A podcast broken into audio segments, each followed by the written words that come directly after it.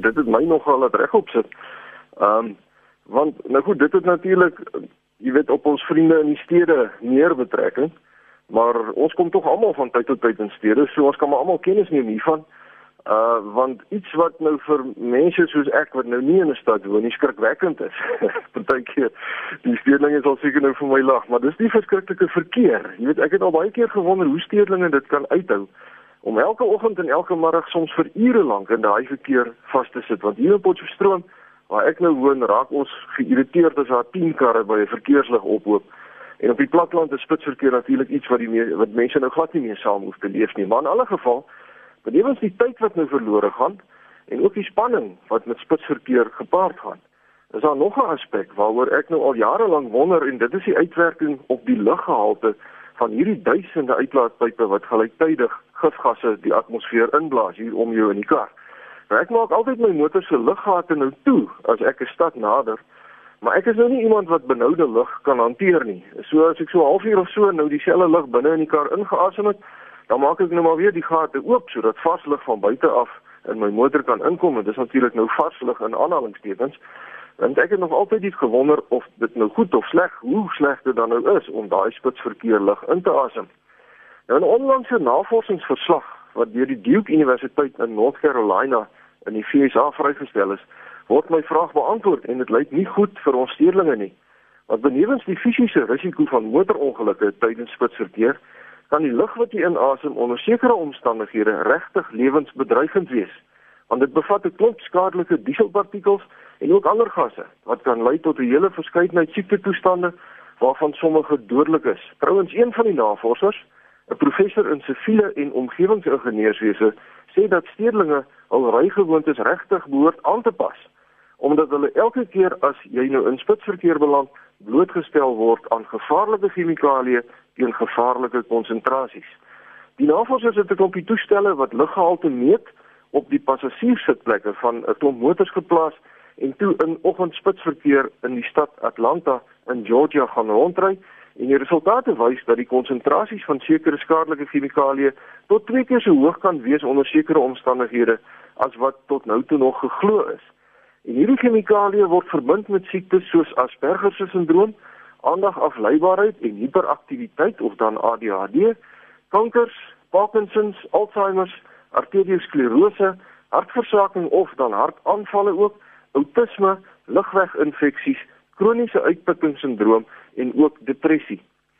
Nou die presiese verband tussen die blootstelling aan hierdie heksebrousel chemikalieë wat nou tydens spitsverkeer ingeasem word en die spesifieke siektetoestande is natuurlik onmoontlik om presies te bepaal want dit sal nou verg dat 'n mens eksperimente op menslike proefkonyne sal moet doen.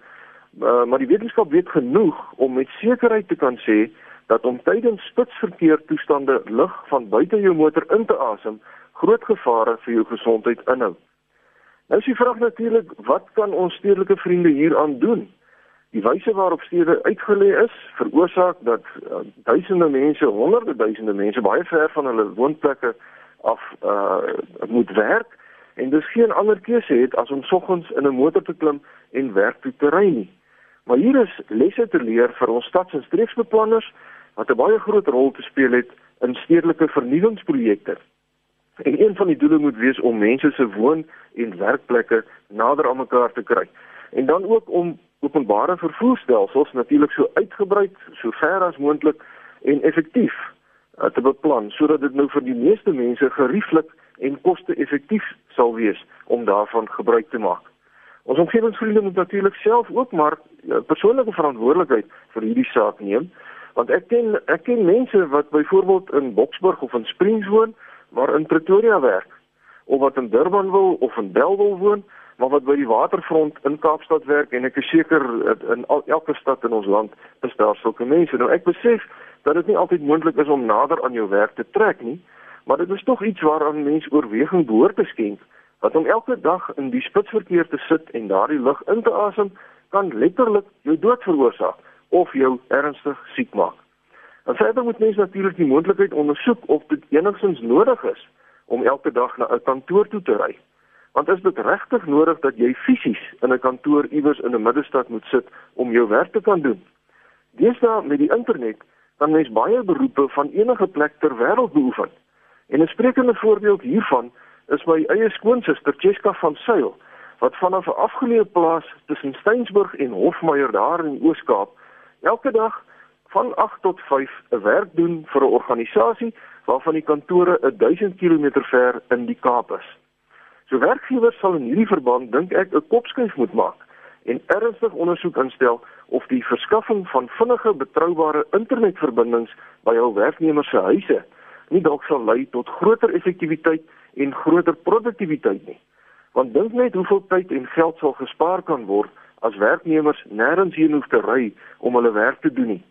Ek dink eh, baie keer in die stede, ek het nou al gewonder mense wat sê nou maar in in in Johannesburg bly en in Pretoria werk, watter persentasie van jou salaris ry jy uit elke maand? En dis nie net die brandstofkoste nie, dis die onderhoud van jou motor ook. En so as jy nou by die huis kan bly en oor die internet jou werk doen, dan hoef die besigheid nie vir jou duur kantoorspasie te verskaf nie. En dis waarskynlik iets wat die winsgewendheid van 'n besigheid ook op sy beurt baie positief sal kan beïnvloed. 'n Baas sal net soveel kontrole oor sy werkers se uitsette kan hê, want die rekenaarstelsel sal kan moniteer hoeveel tyd die werker regtig besig is en wat of sy hy of sy dan nou alles die dag gedoen het. Mense kan ons nou aan die einde van die dag sien wat het die persoon gedoen. En alhoewel alle beroepe natuurlik nou nie op hierdie wyse gedoen sal kan word nie, partykeer moet 'n mens fisies teenwoordig wees, kan die grootskaalse implementering van tuiswerkers die aantal voertuie tydens spitstye dramaties verminder met 'n gepaardgaande afname in die risiko vir mense wat daardie besoedelde lug moet inasem. Renske, ek sien my tydjie is vanoggend al weer om. Ek hoop julle kom reg met die tegniese probleme daar. Uh laat ons 'n lekker oggend soos gewoonlik saam met julle kan hê. En uh vir die res van ons omgewingsvriende, u is welkom om vir my te skryf by kobus.vanderwalt by nwu.ac.za of u kan maar net kyk op omgewingspraatjies se Facebookblad vir meer besonderhede. En ek hoop dat niemand vandag in swaar verkeer iewers heen hoef te ry nie. En daarmee wens ek julle almal 'n heerlike Saterdag toe vriendelike groete tot 'n volgende keer